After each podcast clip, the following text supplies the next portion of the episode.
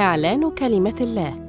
تأمل يومي لديريك برينس. 19 مارس. رب شخصي على حياتي. هذا الأسبوع يشرح لنا ديريك برينس حقيقة أن الجسد للرب والرب للجسد. واليوم يوضح لنا أن الرب خلق الإنسان ليكون له شركة شخصية معه.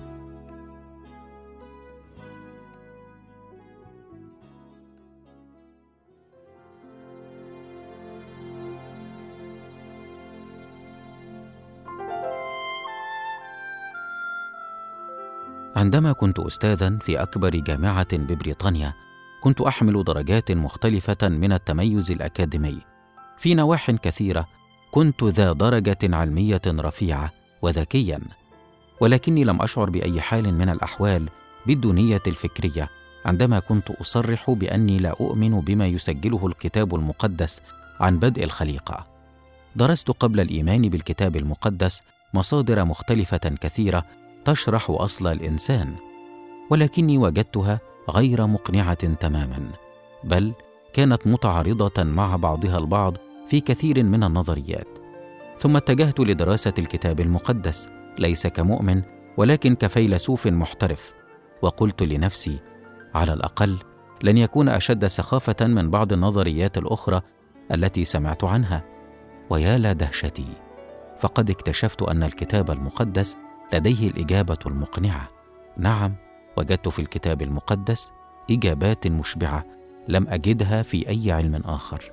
في سفر التكوين نقرأ عبارة بسيطة وقصيرة وتبدأ ب الرب الإله الذي هو يهوى الله اسم الله الشخصي.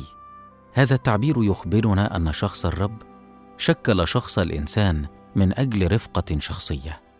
يقول في تكوين اثنين العدد سبعة وجبل الرب الإله آدم ترابا من الأرض ونفخ في أنفه نسمة حياة فصار آدم نفسا حية.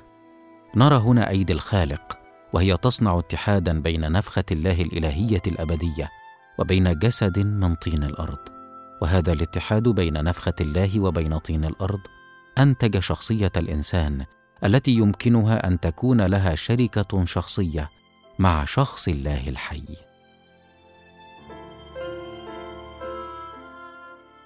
أشكرك يا رب من أجل جسدي الذي أعطيتني.